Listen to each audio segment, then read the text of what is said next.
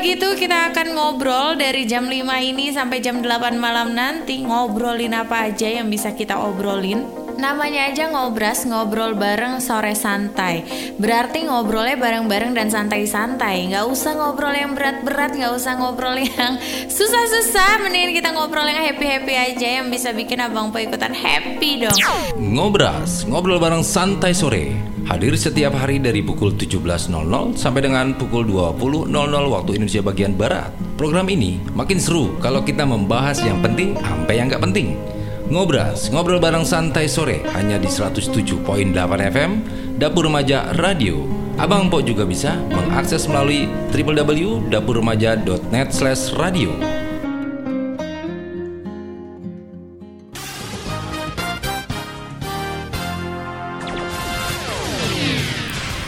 Baik, Abang dan Po, selamat sore menjelang malam.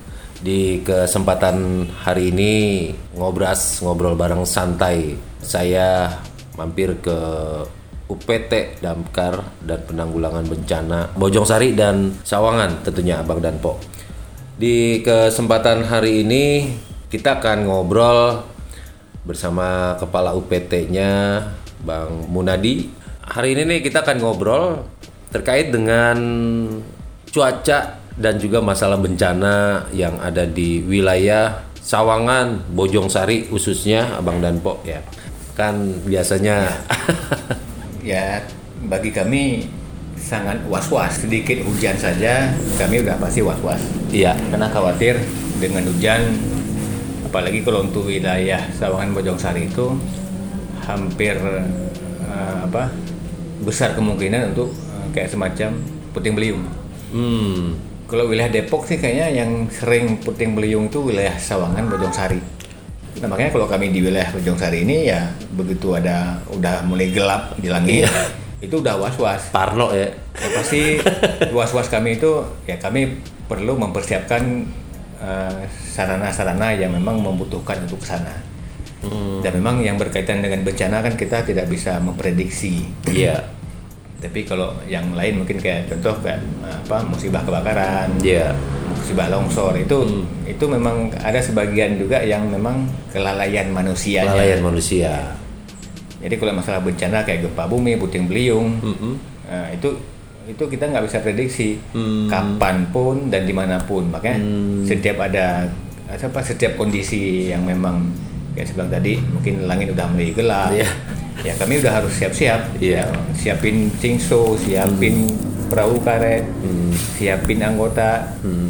ya yang yang patut disiapin lah artinya pada saat masyarakat minta tolong ataupun mungkin eh, kami tahu bahwa ada yang memang harus kami bantu kami langsung otomatis berangkat otomatis berangkat. jadi Iya. jangan jangan sampai pas kejadian baru siapin singso baru ngecek perahu kan nggak mungkin udah masyarakat udah kelelep baru kita Iya. gitu Mungkin Abang Danpo pengen tahu Bang Munadi ini sebenarnya sudah berapa lama sih Bang tugas di Oh. Bojong Sari Iya. ini? Eh, saya awal ke sini itu Maret 2018 2018. Ya. Di awal-awal itu, di awal saya tugas langsung bencana kebakaran yang ada di Pondok Petir. Iya. Itu hampir ya 2018, 2019 itu rutin setiap Iya. tahun. Hmm. Ada tumpukan bekas sampah kayak gitu. Hmm, yang di Pondok Terus Petir. yang kedua berkaitan dengan banjir. Hmm. Eh, apa BSI, Hmm. kemudian juga Pondok Petir. Hmm. BSI kering, Pondok Petir penuh. Hmm. Jadi ya, ya itu itu yang yang, yang rutin. Hmm. Yang yang jadi apa namanya persiapan kami yang khusus. Hmm. Berarti kalau udah Desember biasanya itu udah Nah. ya, udah udah udah pasti pasti itu. Waktu itu. Cuman mulai sekarang udah mulai enggak. Wah, enggak. udah mulai berkurang ya, alhamdulillah. Nah makanya sekarang saya lebih cenderung minta ke masyarakat Mm-hmm. melalui karena kan sering kita kan sering ada pertemuan dengan lurah, Iya. dengan RT, RW. Saya minta ke masyarakat eh, mungkin RT lah Hmm. Ada kegiatan-kegiatan masyarakat mungkin ya arisan atau mungkin juga ada senam-senam pagi atau apa. Iya. Itu kan ada momen yang mengumpulkan masyarakat. Iya. Saya minta ma- eh, mereka untuk menghubungi saya, saya hadir untuk eh, apakah edukasi atau sosialisasi berkaitan dengan bencana kebakaran dan juga bencana lainnya. Eh, siap hadir untuk memberikan edukasi Ya. terkait penanggulangan bencana lah. Artinya jangan sampai kita diundang setelah terjadi gitu ya, Bang. Nah, makanya di, di kami kan bukan eh, banyak masyarakat yang berasumsi damkar atau BPBD itu butuh pada saat bencana, padahal enggak. Bukan ya. Mereka itu butuh juga sebelum terjadi bencana. Iya. Itu tadi kita butuh edukasi, butuh sosialisasi. Karena ada sebagian yang kayak saya bilang tadi kelalaian manusianya. Iya. Kelalaian manusianya inilah kita ber- eh, mengingatkan melalui sosialisasi atau edukasi. Ya selalu diingatkan lah intinya Iya. seperti itu ya. Eh, perjalanan cukup panjang dan juga tadi salah satunya mengharapkan ke masyarakat juga abang hadir di tengah-tengah Ya. untuk memberikan edukasi pemahaman jangan sampai eh, damkar ini diundang di kejadian doang gitu ya tapi berharap masyarakat ini kepinginnya mau arisan Ya. mau taklim kalau perlu diselipin mau lima menit juga kan Ya. nah di situ kan taklim mak-mak mulu tuh Ya. karena yang lebih banyak dominan memang di rumah kan mama. Itu berkaitan dengan kebakaran. Eh, masalah ini masyarakat juga harus bisa memahami bahwa pencegahan itu lebih baik daripada menangani masalahnya gitu. Ya. Dalam beberapa bulan ini yang sudah kita hadapi cuaca cukup ekstrim untuk di wilayah Sawangan Bojong Sari gimana kondisinya, Bang? Eh, ya, memang yang seperti yang contoh tadi biasanya rutin Desember itu pasti ada bencana banjir. Hmm. Tapi alhamdulillah, Alhamdulillah. untuk tahun ini eh, nggak ada. Alhamdulillah aman. Alhamdulillah aman ya. Alhamdulillah aman. Ya artinya kalau saya sih melihatnya itu bukan karena aman apa mungkin pasti nggak akan terlepas dari keterlibatan ma- ma- masyarakat. Masyarakat. Ya mungkin tidak lalai berkaitan dengan mungkin kalau berkaitan dengan banjir kan pasti buang sampahnya ke kali. Mungkin masyarakat udah mulai nggak ke sana sehingga nggak terjadi banjir. Kemudian juga berkaitan dengan kebakaran. Mungkin yang sebelumnya mereka nggak begitu paham dan penyebab-penyebab kebakaran. Mungkin dengan setelah ada kami ke masyarakat, mungkin ke RW, ke RW atau ke lurah ada sosialisasi sosialisasi berkaitan dengan penyebab kebakaran sehingga masyarakat udah tahu oh penyebabnya tuh ini ini ini sehingga eh, bisa menghindar. Ya makanya- Meminimalisir lah. meminimalisir ya. Ya memang ya ya ke- kami kan hanya kami tetap akan berusaha berupaya memperkecil sehingga terjadinya masalah di masyarakat menjadi musibah buat masyarakat. Ya usaha kami ya berkaitan ini itu tadi mungkin ya edukasi sosialisasi. Ya kalau nggak ada upaya seperti itu ya mungkin ya mudah-mudahan sih masyarakat paham lah berkaitan dengan penyebab-penyebab kebakaran sehingga bisa menghindari itu. Nah ini bang, untuk masyarakat nih kan juga perlu paham selain dari percikan api, kumpalan gas tadi yang bocor dari tabung gas itu juga bisa meledak apabila kita menghidupkan listrik. Nah ini sebabnya dari mana bang? yang pernah pengalaman di pon di komplek apa Telaga Jambu. Mm-mm. Jadi begitu dia bangun pagi, dia cium bau gas yang sangat menyengat. Nah, yang pertama dia lakukan itu dia cabut mesin air. Hmm. Karena kumpulan gasnya itu udah gasnya udah udah udah banyak dalam rumah. Jadi waktu dicabut mesin air itu kan ada pasti ada pemercikan api ada, ada itu. Nah, itulah yang membuat kebakaran. Dari percikan karena kumpulan gas tadi itu. Apalagi kan semua rumah-rumah sekarang kan minimalis. Mm-mm. Yang pintunya hanya satu depan. Ventilasinya kurang lah. Ventilasinya kurang. Nah, yang terkait dengan menghidupkan saklar lampu itu bang, dengan misalnya dapur kondisi Ya. gelap dan tiba-tiba ada tabung bocor, sudah ngepul, terus menghidupkan lampu. Makanya itu yang sering saya ke masyarakat dan juga saya yang kepengen ke masyarakat untuk mengingatkan hal-hal yang seperti itu. Itu kan sepele, kecil masalahnya. Iya. Jadi kalau memang masyarakat bangun pagi atau kapan pun bau gas di dalam rumahnya yang sangat menyengat, yang pertama harus dilakukan itu adalah cabut regulator gasnya. Mm-mm. Jangan hidupin lampu, pokoknya yang berkaitan dengan lampu dan listrik itu jangan ada yang dikutak-atik. Kalau emang lampunya masih mati, ya biarin mati dulu. Lampunya lagi hidup, biarin hidup. Jadi yang pertama dilakukan adalah cabut regulatornya. Yang kedua buka jendela apa semacam Iya. biar anginnya masuk. Nah, tabung gasnya juga dibawa keluar. Insya Allah kalau seperti itu aman. Nah itu makanya kalau kalau nggak ada yang mengingatkan, nggak ada yang tegur, akhirnya kan lupa masyarakatnya lupa. Gitu. Iya iya. Ya penting banget nih Abang dan Po karena keteledoran kita itu dari hal-hal yang kecil. kecil. Apa Bang yang paling terpenting buat masyarakat untuk menghadapi situasi cuaca seperti ini Bang? Kalau berkaitan dengan cuaca, memang kita nggak bisa prediksi. Kalau- kondisi sekarang sih kayaknya nggak bisa nggak bisa lagi kita pegang kayak dulu. Kalau dulu katanya kalau Ber- ber- bulan, ber. ah, kalau bulannya ber ber ber itu biasanya musim hujan. Nah kalau sekarang kayaknya nggak bisa berpatokan seperti itu. Ya saya kira kondisi yang seperti ini ya masyarakat yang harus waspadai. eh yang pertama jaga kesehatan. Itu, itu yang paling penting. Itu yang kedua pada saat kejadian jangan panik. Ya, Kuncinya ya. kuncinya itu. Karena kalau panik ya contoh kayak mungkin terbakar di kompor gas, kompor kompor lah, kompornya lah. Iya. Lagi masak ibu-ibu biasanya kan lagi ngoreng ikan atau apa, terus dipanggil temennya di luar, Oh. akhirnya kan ngerumpi lama, ya kan? Tentunya udah ngebul, udah bau, udah apa? Ya, kalau biasanya kan kalau, kalau udah kejadian seperti itu, ibu-ibu kebanyak kebanyak apa kebiasaan, itu yang pertama biasa saja mungkin juga dilempar, walinya dilempar, atau juga mungkin dia cari air, dia siram pakai air. Nah, Justru kalau apalagi kuali yang ada minyak Minyaknya yang udah Kalau panas. disiram, dia akan melebar apinya. Tapi yang harus dilakukan yang pertama jangan panik, cari barang apakah mungkin Karung. handuk atau karung yang basah tapi tetap harus basah. Atau harus basah. Terus ditutup media yang terbakar itu. Kenapa harus basah? Karena dengan basah itu dia tidak ada udara yang bisa masuk.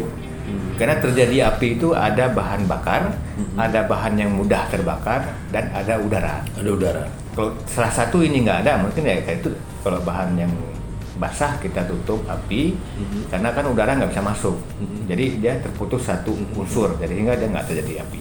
Ini teh terkait dengan kegiatan damkar sendiri nih bang kan masyarakat ini kan taunya pemadam kebakaran dan penanggulangan bencana. Tadi menyinggung terkait masalah kegiatan yang lain ya, ya berhubungan dengan masalah evakuasi binatang, terus potong cincin. ya. Iya. Nah, lainnya. Ya artinya bukan saja kebakaran, banjir, puting beliung dan segala macamnya. Ya, eh, yang pertama mungkin perlu saya jelaskan bahwa tupoksi dinas damkar itu penanganan kebakaran dan bencana lainnya. Bencana lainnya itu adalah eh, pohon tumbang, banjir, kemudian ada tanah longsor, kemudian eh, puting beliung, kekeringan. Nah itu itu yang bencana lainnya itu antara lain itu itu. Jadi kayak semacam evakuasi ular, tawon, potong cincin. Jadi yang evakuasi cincin, ular, semacam itu bukan tupoksi kami. Tetapi karena masyarakat minta tolong ke kami, karena di awal awal 2020 itu kita baru ada Badan Penanggulangan Bencana di Damkar. Jadi yang sebelumnya memang kami yang melaksanakan tugas itu berkaitan dengan bencana gitu kan. Iya. Karena kita tidak ada BPBD. Kenapa tidak ada BPBD? Dilihat dari jumlah bencana kita kecil. Yang banyak itu kebakarannya. Gitu. Jadi berkaitan dengan tupoksi kami itu hanya berkaitan dengan penanganan kebakaran dan juga bencana lainnya. Namun selama masyarakat minta tolong apa pun yang dimintain tolong oleh masyarakat, insya Allah kami siap. Nah, ka- me- berangkat dari karena keseringan masyarakat minta tolong ke kami untuk evakuasi ular, sarang tawon, Buaya. potong cincin, sehingga oleh dinas dan juga kami memfasilitasi anggota membeli sara apa alat-alatnya, pencapit ular, baju sarang tawon, kemudian gerinda kecil. Pada- Yang tujuannya pada saat masyarakat minta tolong, kami bisa bantu. kami bisa bantu. Dan yang paling penting, apa pun yang kami berikan pertolongan kepada masyarakat, jangan pernah berpikir kami harus dibayar. Gratis. Apa yang kami lakukan itu gratis, nggak perlu harus bayar. Selama- Meskipun itu tugasnya anggap saja di luar dari tupoksi Betul. sukarelawan jadinya ya. Pak. Nah, dalam hal terkait tadi di bidang-bidang tersebut memang di dinas yang lain bagaimana, Pak? Eh, yang seharusnya memang berkaitan dengan binatang mungkin bisa saja mungkin ke peternakan atau ke pertanian ya kemudian kalau pohon-pohon yang berkaitan dengan tumbang banjir segala macam juga ada ter- keterlibatan PU dan juga ada LHK jadi kadang-kadang ya memang eh, kalau tupoksi bencana kalau bencana itu pasti kami. Tapi pada saat pelaksanaan kegiatannya kami berkolaborasi. Contoh kayak mungkin ada pohon tumbang yang ke kali kami juga nggak akan tutup mata dengan komunikasi komunikasi dengan teman-teman yang terlibat di dalamnya. Berkaitan dengan pohon tumbang kami komunikasi dengan teman-teman yang ada di LHK yang berkaitan dengan karena mereka kan punya alatnya. Iya. Kalau pohon pohon pohon tumbang mungkin juga yang butuh kendaraan untuk manjat atau tinggi. Hmm. kayak yang kejadiannya kemarin di apa eh, sebelahnya rumah makan Tirta Rasa itu kan ada ke, yang tumbang terus ketiban di Iya, kabel. kabel Eh, yang kena Ya, angin ya kemarin. saya kira kan memang butuh alat untuk kita naik ke atas untuk aman untuk kitanya gitu. Iya. gitu. Tetap kita komunikasi dengan teman-teman yang lain. Ya, untuk saat ini Damkar juga memberikan pelayanan masyarakat terkait hal-hal yang memang Ya. sebenarnya bukan tupoksi ya. Betul. Tapi memang karena memang Damkar sendiri juga difasilitasi dengan peralatan itu, ya kewajiban juga di saat masyarakat meminta tolong gitu ya Bang ya. Meskipun itu bukan tupoksi. Oke. Nah, harapan Abang atau pesan yang Abang sampaikan ke masyarakat seperti apa, Bang? Ya, pertama berkaitan dengan bencana kebakaran. Ya, mungkin kita harus hati-hati menggunakannya menggunakan listrik. Kadang-kadang kan masyarakat ya ya termasuk saya lah juga mungkin. Di satu saklar itu lis apa kulkas di situ, mesin airnya di situ, Rice cooker di situ. rice cooker di situ, sehingga kadang bebannya kabel itu nggak kuat, sehingga dia menimbulkan panas. Kalau kita ada di rumah, berarti kan terawasi. Kalau emang itu meleleh kabelnya atau apa, sehingga terawasi oleh kita, tapi ada bahan yang mudah terbakar di bawahnya. Begitu. Kemudian juga berkaitan dengan bencana. Kalau yang namanya bencana, memang kita nggak bisa nggak bisa menghindar. Tapi kan tetap kita harus waspada. Ya, mungkin dengan kita lihat kondisi cuaca udah mulai gelap atau apa, ya mungkin kalau memang apa yang nggak perlu kita harus pergi jauh-jauh atau apa ya kita tetap berdiam sajalah. Nah apalagi mungkin kan dari untuk beberapa bulan ini kan dari pemerintah juga udah menghimbau agar tidak melakukan kegiatan-kegiatan di laut atau di gunung karena khawatir kalau ke gunung mungkin khawatirnya longsor kalau ke laut mungkin kan khawatirnya angin ombak tinggi apa segala macam ya kemarin juga pengalaman di waktu kami ke Cianjur kami ke ikut ikut ke bantu di Cianjur barang semingguan lah kami sana. Iya.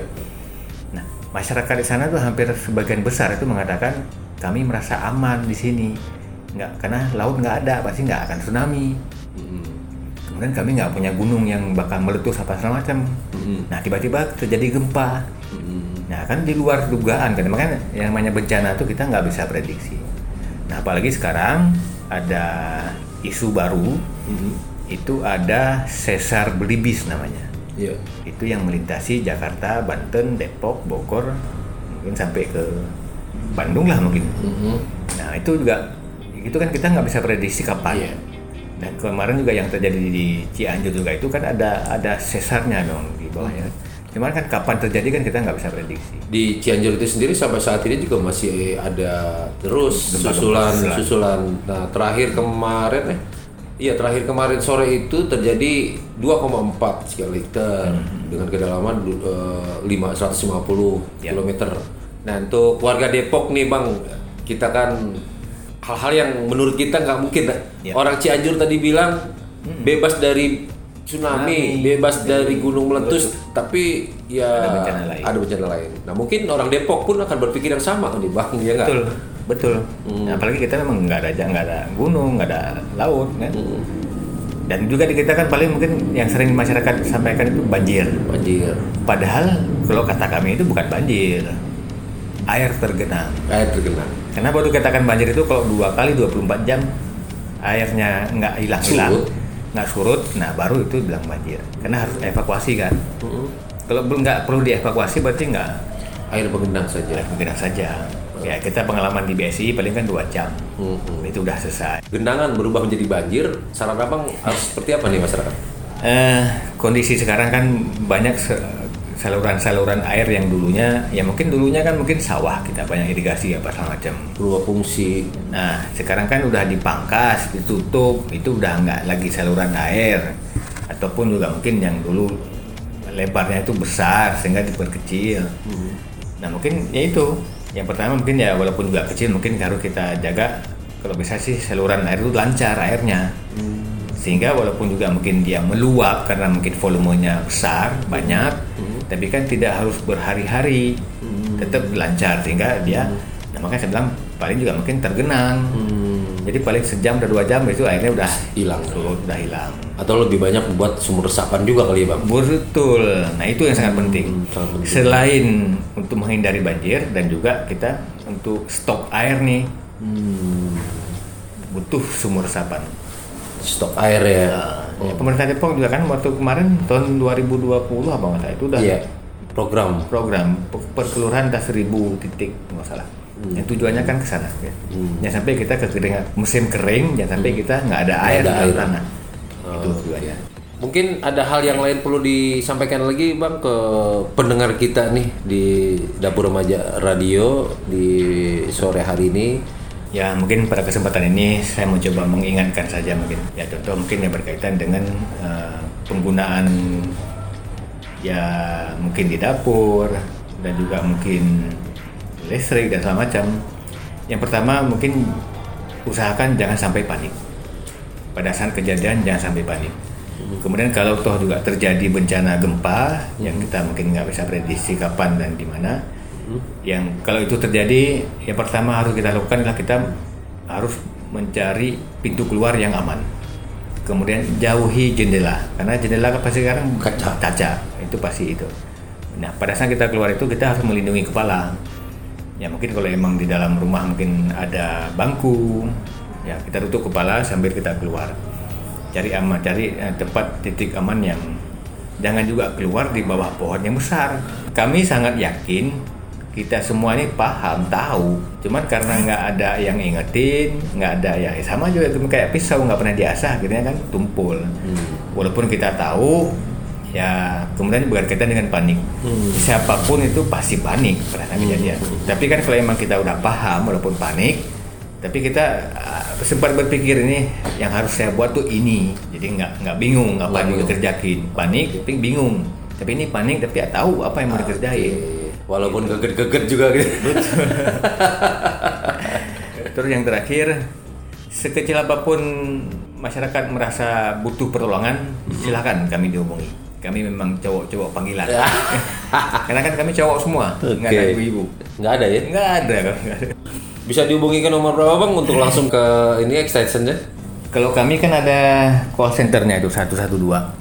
Call center 112. 112. Nah itu memang itu posisinya di Mako, di GDC. Tetapi secara otomatis kami yang ada di wilayah yang terdekat pasti akan terkomunikasi. Kalau untuk wilayah Bojong Sari itu nomor teleponnya 0251 8604 113 0251 8604 113 Oke, Bang Munadi, Kepala UPT Damkar dan Penanggulangan Bencana Kecamatan Bojong Sari dan Sawangan. Terima kasih atas waktunya di acara ngobras, ngobrol Ya, bareng sama-sama. santai sama Abang Danpo.